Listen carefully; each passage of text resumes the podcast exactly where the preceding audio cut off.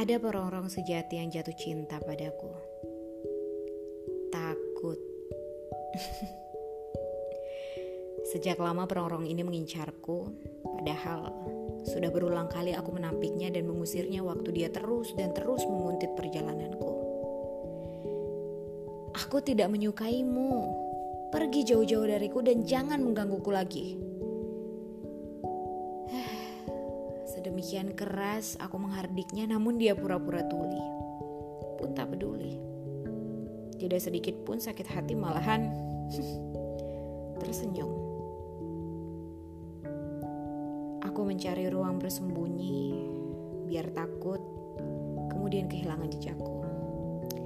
Tapi dia bagaikan punya antena tercanggih yang bisa melacak ke mana pun pergerakanku. Saking lelahnya, sering aku lengah. Dan di sanalah dia langsung datang memelukku erat bagaikan seorang pria yang sigap menolong kekasihnya yang sedang kelelahan. Cerdik sekali dan aku yang bodoh.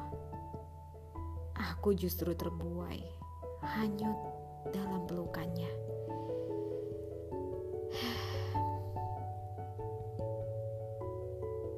Kemudian aku tersadar. Selama aku membebaskan dia memelukku seenak hati, selama itu pula aku hanya akan berdiri di tepian saja. Tidak bergerak maju, meskipun sudah tiba di tempat yang aku tuju. Cuma memandangi tempat itu tanpa pernah menikmati kesempatan yang sedang terpampang rupawan di hadapanku. Lantaran nyali sudah keropos betul oleh takut. Kasihan. Maka inilah sebuah teguran kasih untuk yang sedang dipeluk takut sepertiku.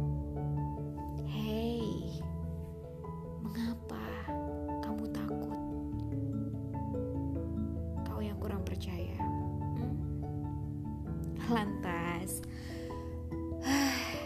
aku segera menyelisik. Apakah sudah tepat tempatku bersembunyi selama ini? Kalau ya, seharusnya takut tidak akan punya nyali lagi untuk mendekat, apalagi coba-coba untuk memelukku. Seperti kata Daud, sekalipun aku berjalan dalam lembah kekelaman, aku tidak takut bahaya, sebab engkau besertaku, gadamu dan tongkatmu. Itulah yang menghibur aku.